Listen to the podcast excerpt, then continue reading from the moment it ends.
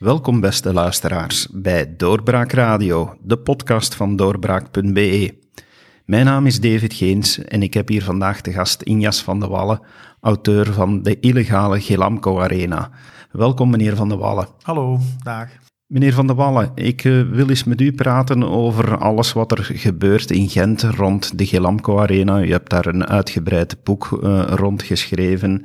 En daarom zou ik eens even willen teruggaan in de tijd.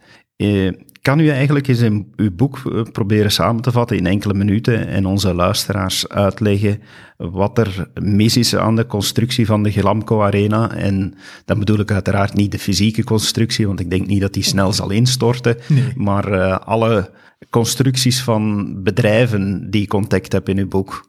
Ja, goed. Uh, mijn boek gaat eigenlijk uh, dus over de bouw van de Gelamco Arena en wat daar precies uh, de interacties tussen de overheid, de voetbalclub, de investeerders, de bouwfirma. Um, een en ander is daar gebeurd die niet kosher is. dat wordt in detail beschreven. Daar zijn um, in basis, in basis kan je alles herleiden tot een, een, een drieluik eigenlijk. Enerzijds heb je de uh, enorme voordelen die AA Gent eruit gehaald heeft, met ook natuurlijk illegale staatssteun. Anderzijds zijn er de grote voordelen voor de zakenmensen, waaronder uh, Paul Gijzens van Gelamco, maar in basis was dat, of in de beginnen liever, was dat Jeroen Piqueur Optima. En natuurlijk zijn er de electorale voordelen voor de politici die eigenlijk het belastingsgeld misbruikt hebben um, om daar vreemde constructies op te zetten, om er dus electorale, electorale winst uit te halen. En dit is in globo wat beschreven staat in mijn boek, die drie verschillende constructies. Ja, als, als we dan even kijken naar die drie, ja, die drie uh, die genoten hebben, die begunstigden zijn eigenlijk van die constructies, is dan de voetbalclub de grootste? Goh, ik, ik, ik zou dat niet durven zeggen. Ik denk uh, zelfs eerder dat Gelamco de grotere winnaar is op financieel vlak. Maar ik denk dat, dat de voetbalclub de morele winnaar is. Zij hebben uiteindelijk een een heel mooi stadium die zij nu uh, een goedkope huur krijgen. Zij hebben daarmee een voetbalclub kunnen uitbouwen die constant in de top 5 zit, terwijl zij vroeger eigenlijk, laten we zeggen, een middenmoot waren die wel eens flirten met degradatie. Zijn zij nu eigenlijk een gevestigde waarde, zitten ze daar in die top 5 en kunnen zij financiële middelen genereren door het feit dat ze nu een mooi stadium hebben met 20.000 zitplaatsen. Uh, om zich daar te handhaven. Dus zij zijn wel een beetje de morele winnaar, maar als het puur over financieel gaat, dan is het Paul Gijzes. Kan er u een cijfer op plakken? Hoeveel miljoen euro zou er opgezet zijn in alle constructies? Wel, um, um, ik, ik, ver, ik, vermoed dat u bedoelt hoeveel overheidsgeld is in de Gelamco Arena uh, gegaan. Wel, um, er zijn twee zaken dat ik daar eerst even wil onderscheiden. Enerzijds is er de uh, illegale staatssteun. En anderzijds is er de overheidssteun. Dat klinkt hetzelfde, maar dat is het niet. Ik kan u bijvoorbeeld zeggen dat uh, A-agent die betaalt een huur die niet marktconform is. Wel, het stuk tussen de, het niet marktconforme en het marktconforme is illegale staatssteun. Dat het, hetgeen wat ze niet moeten betalen, is een steun dat ze eigenlijk jaarlijks of liever maandelijks krijgen van de overheid, wat ook illegale staatssteun is. Uh, en anderzijds is er het geld dat zij gekregen hebben van de overheid, de overheidssteun die zij gekregen hebben voor de bouw. Dus er is een verschil tussen de twee, maar laat mij focussen op wat, welk geld hebben ze gekregen voor de bouw van de Gelamco Arena in zijn totaliteit. Niet alleen het voetbal gerelateerd gedeelte, maar ook het niet-voetbal gerelateerd gedeelte om het te schetsen, daar komt het neer op het stadion en de parkings. Daar is in eerste instantie uh, eh, 24,5 miljoen euro van het stad Gent gekomen. En anderzijds, uh, en daar zijn wat discussies over, 13,2 of 15,4 miljoen euro van het TMVW, het huidige Faris. Die trouwens een, constructie is waarbij de stad Gent die 15 miljoen euro op termijn terugbetaalt. Dat is een... Uh, een buitenbegrotingstruc die men toepast, waarbij Faris, dat doen ze in veel gemeenten, waarbij Faris bijvoorbeeld een zwembad of een andere sportinfrastructuur bouwt, deze dan gaat uitbaten en dan de stad betaalt dan die lening als een dat is een soort lening, want Varis bouwt die voor de stad of voor de gemeente. En de gemeente betaalt die af gedurende x aantal jaren. Dat wordt overeengekomen hoeveel jaren dat dat is. Maar dat wordt wel in uh, de winsten die men dan maakt uit de uitbatting van bijvoorbeeld zwembad, worden daar dan in mindering voor gebracht. Dat heeft het voordeel voor de stad dat zij dat niet hoeven in te schrijven in een meerjarenbegroting in één keer, maar dat zij dat kunnen, die lening in principe kunnen afschrijven, in stukjes inbrengen in uw begroting. Uh, dat zijn trucs die toegepast worden omdat een begroting zou hebben in evenwicht en een, een um, autofinancieringsmarge zouden hebben die uh, um, uh, in orde is, laten we het zo zeggen, in orde voor de wetgeving. Dus maar uh, dus 24,5 miljoen, 13,2 of 15,4 van het TMVW. En daarbovenop is nog eens 2,5 miljoen euro gekomen van de Vlaamse overheid. Dit is wat als overheidsgeld in de Gilamco Arena gegaan is. Het komt ongeveer neer op een uh, 40 miljoen euro, iets meer, 42 miljoen euro denk ik. En uh, op een totaalbedrag van ongeveer 70 miljoen. Maar waarom bestempelt u dan een deel als illegaal? Wel, dat heeft natuurlijk te maken met het feit dat, het, uh, dat de Gilamco Arena niet aanbesteed is geworden. Men heeft daar, um, ik herinner mij de persconferentie van 19 januari, waarbij dat stad wou weer leggen dat zij niet moesten aanbesteden. En dan moet ik eerst eens beginnen met te zeggen van um, het Eurostadium in Brussel hebben ze aanbesteed. De renovatie van het stadion in uh, Waregem hebben ze aanbesteed. De bouw van de basketbalarena in Oostende hebben ze aanbesteed. Uh, die trouwens in dezelfde periode was dan de Gilamco Arena. Maar de Gilamco Arena volgens hen moest niet aanbesteed worden. Dat is natuurlijk Lari, hè, die moest wel aanbesteed worden. Toen bent men op de persconferentie op 19 januari dat wou weer leggen. Uh, toen haalde men een wetgeving aan, of tenminste rechtspraak aan uit 2011, terwijl de aanbesteding moest gebeuren in 2005. Precies of dan met een glazen bollet in 2005 en dat men kon voorspellen wat de rechtspraak zou zijn in 2011. Maar als je dan die rechtspraak gaat gaan bekijken, dan had die rechtspraak eigenlijk daar nog niks mee te maken. Dat totaal niks mee te maken. was eigenlijk irrelevant met waarover het ging. Dus men moest aanbesteden. Het feit dat men niet aanbesteed heeft, betekent dat, men, dat het stadion er ipso facto illegaal staat. Want ze is niet aanbesteed geworden, ze is er niet volgens de wet gebouwd, ze staat er dus illegaal. Betekent dat illegaal in de zin van ze moet afgebroken worden? Nee, ze is er niet conform de wet gebouwd. Dus ze staat er illegaal. Dit is de verklaring van de titel. Veel mensen dachten van, ja, moeten we dat nu afbreken? Een illegale villa, moet dat afbreken. Nee, uh, het is gewoon niet conform de wet gebouwd. Ergo, het is illegaal. Ik heb in uw boek ook gelezen dat er natuurlijk heel veel, uh, naar, naar wat u zegt, eigenlijk vriendjespolitiek gebeurd is. Dat er heel veel mensen bij betrokken zijn. Moeten we daaruit afleiden dat er quid pro quo's ook geweest zijn om deze constructies op te zetten? Ja, uiteraard. Hè. Um, het is evident dat we moeten, als we in basis terugkeren, dan hebben we Jeroen Piqueur. Jeroen Piqueur die was geen bouwondernemer, die was geen uh, projectontwikkelaar, was iemand die in de financiële wereld bezig was. En uh, die wou dus financier gaan spelen voor de bouw van het stadion. Maar hij moest daar compensaties voor hebben, want, want hij zei altijd, hij zei dat zelfs op persconferentie, hij zei van ja, eh, een stadion bouwen en, en, en alleen daarmee winst maken, dat gaat niet. Maar natuurlijk, het grootste zever is dat er bestaat. Je kunt daar genoeg winst uit halen. Maar slimme zakenmensen, want dat is ook zoiets, moet eerlijk zijn, twee slimme zakenmensen hebben eigenlijk politici bedot. Uh, en politici en, en, en in extensie de belastingbetaler bedot, de belastingbetaler van Gent bedot zijn erin geslaagd. En meneer De Wit is een slimme zakenmens. En meneer Pekeur is dat ook. En later meneer Gijzes is dat ook. En zij zijn erin geslaagd eigenlijk de belastingbetaler van hen te bedotten via de politici. Um, wat is er in het begin gebeurd? In het begin hebben ze gezegd, ja, dat stadion, maar dat moet compensaties hebben. Daar zijn compensaties gebeurd op uh, vier vlakken. Enerzijds uh, was er het houtdok. Zeer complex dossier met een driedubbele belangenvermenging die volledig beschreven staat in het dossier, kan dat in de podcast hier niet uitleggen. Anderzijds, uh, de hotelsite, de site waar nu het hotel staat, waar in basis meneer Piqueur een, winkelcentrum zou bouwen, maar die dan door protest van de handelaars in de stad Gent uh, veranderd geweest is naar een hotel. Er is de site waar dan nu de Blue Tower staan en de Brico. En er is nog de UCB-site, de site die nu nog moet, eigenlijk nog moet ontplooid worden. Dat cadeautje moet nog uitgepakt worden mm, maar dat is het vierde cadeautje die er zit aan te komen. Dat zijn compensaties. En u kan begrijpen als je al uh, het houtdok, dat, dat zijn zeer waardevolle gronden die men daar kon ontwikkelen en die men in handen gekregen heeft voor een prikje. De constructie van het hotel heb ik onlangs uit de doeken gedaan, volledig uit de doeken gedaan op de, op uh, de website van ja, Doorbraak. Daar, daar, komen we straks nog even ja, op terug. Maar ook de Blue Towers, daar is al veel over geschreven geweest. Uh, niet door mijzelf, maar door meneer Bossaert van uh, Het Laatste Nieuws. Welke constructies daarop gezet geweest zijn om dus Paul Gijsens eigenlijk een mega deal te bezorgen.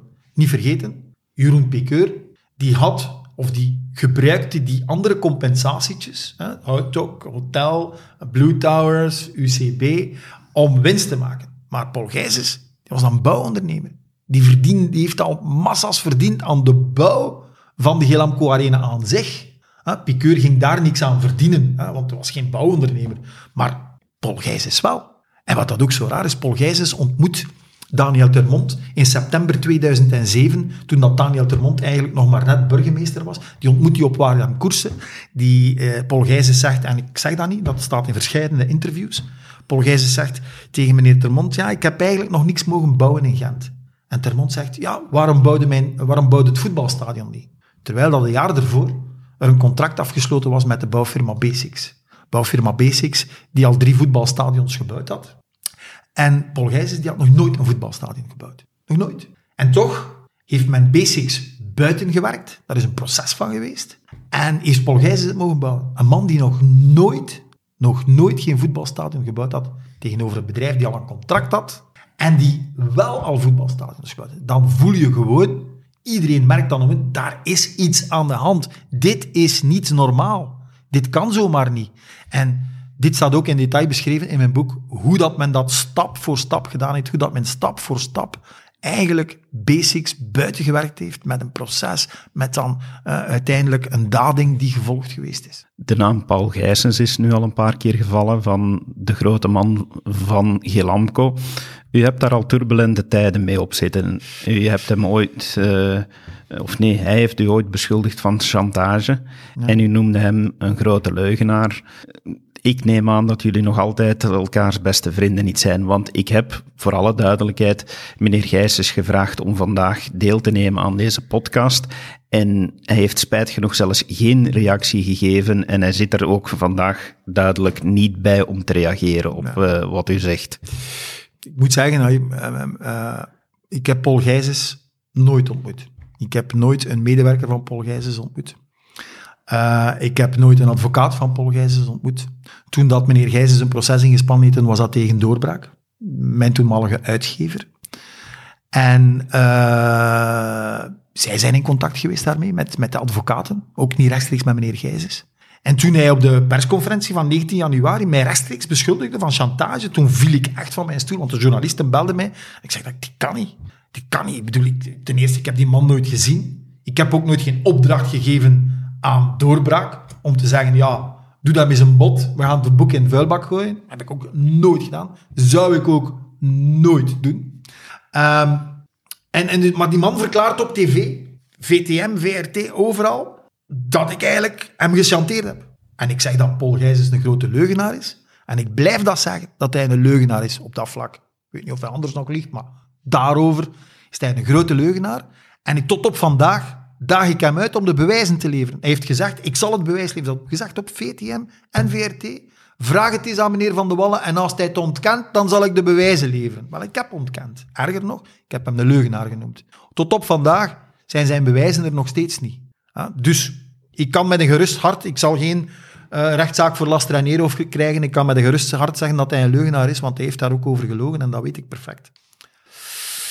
Nu, u vermeldde ook dat het uitdelen van cadeaus nog niet ten einde is. U vermeldde de hotelsite. Eh, je hebt daar onlangs een artikel over geschreven op onze website. Als ik even samenvat, en verbeter mij als ik het uh, fout ergens samenvat. Er is een erfpacht van omgerekend net geen 30 euro per maand voor meer dan 8000 vierkante meter commerciële grond. Ja. Dat, dat is minder dan een cent per maand per vierkante meter. Ja, wat gaan ze met die gronden doen? Van waar komt dat? Ik, ik snap het niet. Dit lijkt toch quasi onmogelijk. Wel, het, het, lijkt onmogelijk, want uh, u zegt het daarnet, hè, dus 30 euro per maand voor 8075 vierkante meter. Uh, uh, als je uw wagen 9 uur, 9 uur parkeert in het centrum van Gent, dan betaalt je al meer. Hè? En dan neemt je 10 vierkante meter in beslag. Maar het is dus hallucinant. En hoe is het gekomen? en, en het is juridisch ook natuurlijk niet sluitend. Maar goed, uh, zolang dat er niemand klacht neerlegt en zolang dat er daar geen rechteruitspraak moet over doen, dan heb je, zijn je, ben je bezig met juridische argumentaties tegenover elkaar te gooien. Uh, een rechter zou daar moeten over beslissen, maar als er niemand klacht neerlegt, ja, dan komt dat ook nooit voor de rechtbank. Maar hoe is het gekomen? Er is destijds, um, ik ben aan het denken, dat was de jaren 80, als ik me niet vergis. Ik dacht 89, ik het even, ja, goed, tot daar, um, een een erfpacht afgesloten met een bedrijf die daar een, een, een, een site wou uitbouwen, een bedrijvencentrum wou uitbouwen.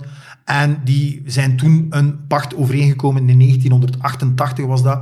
En dat heette Bedrijvencentrum uh, Regio Gent. En uh, ze betaalden toen eigenlijk, het was gewoon netjes uitgerekend, 1 Belgische frank per vierkante meter. Dat was toen de prijs dat zij daarvoor moesten betalen.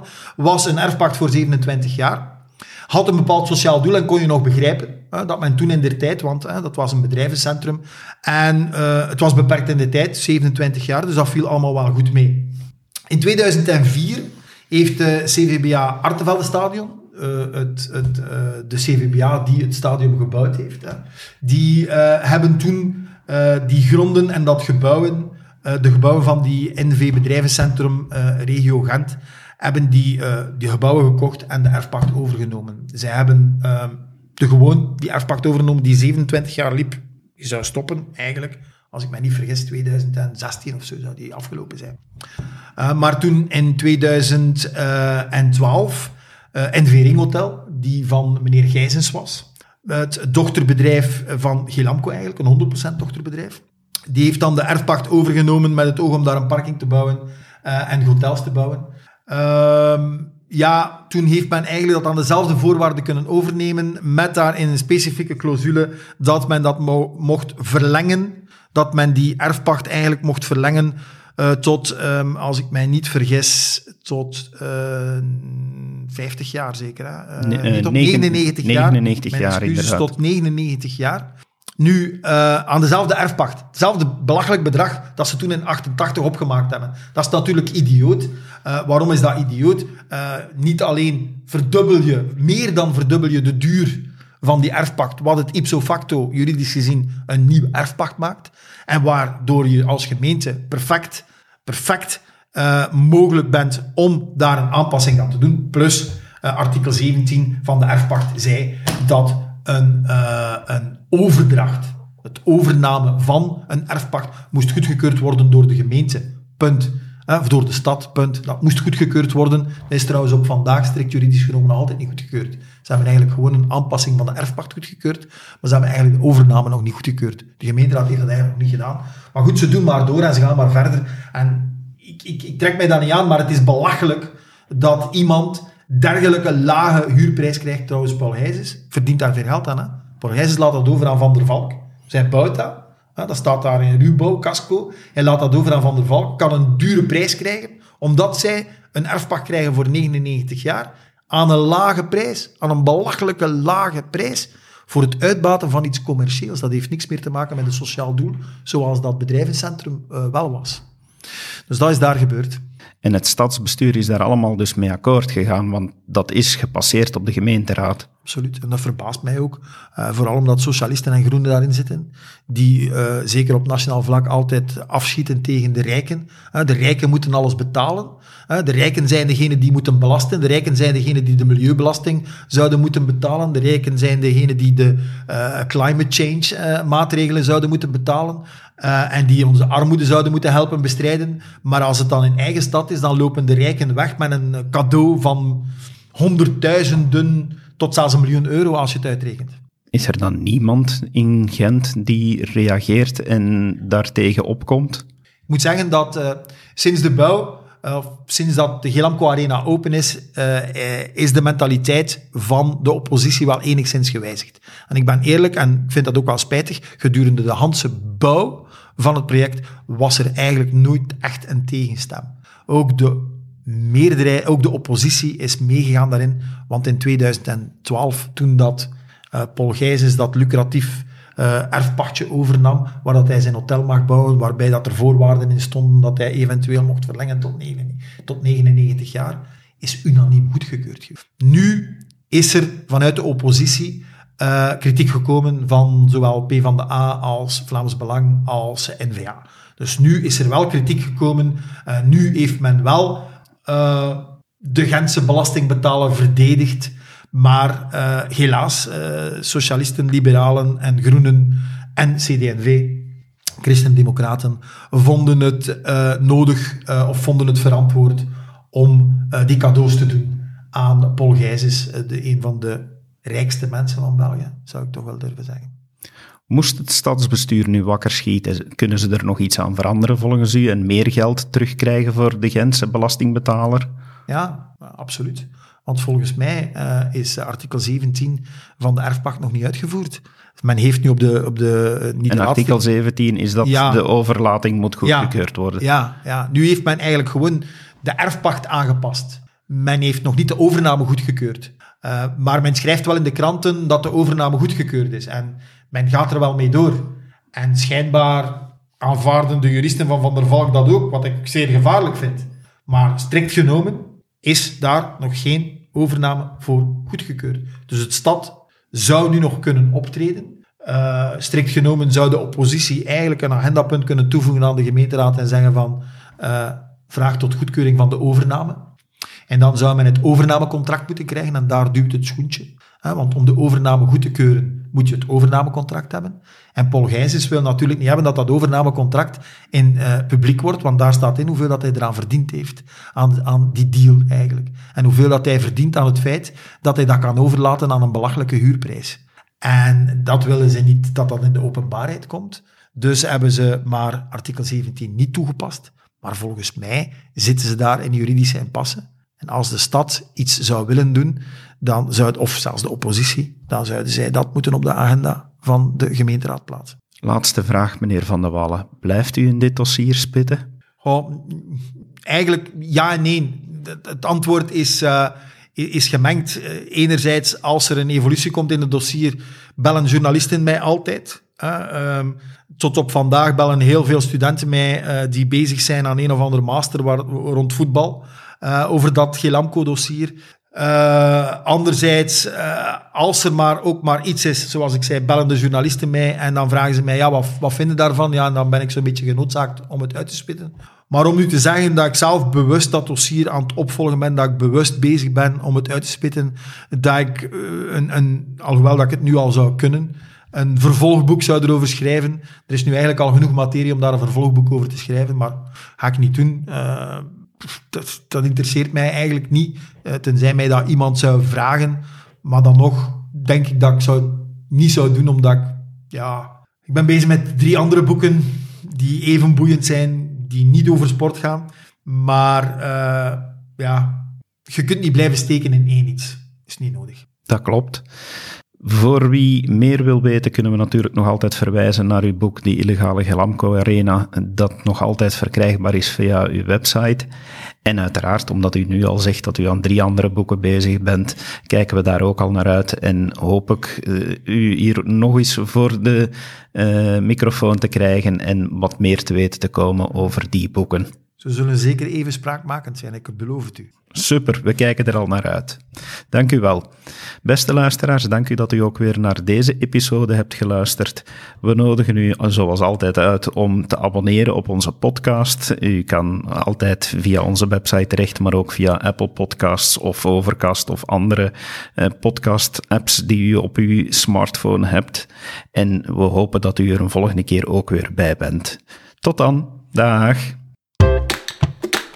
Dit was een episode van Doorbraak Radio, de podcast van doorbraak.be. Volg onze podcast op doorbraak.be/slash radio of via Apple Podcasts, Overcast of Spotify. Bezoek ook onze website op doorbraak.be en steun ons door een vriend te worden van Doorbraak.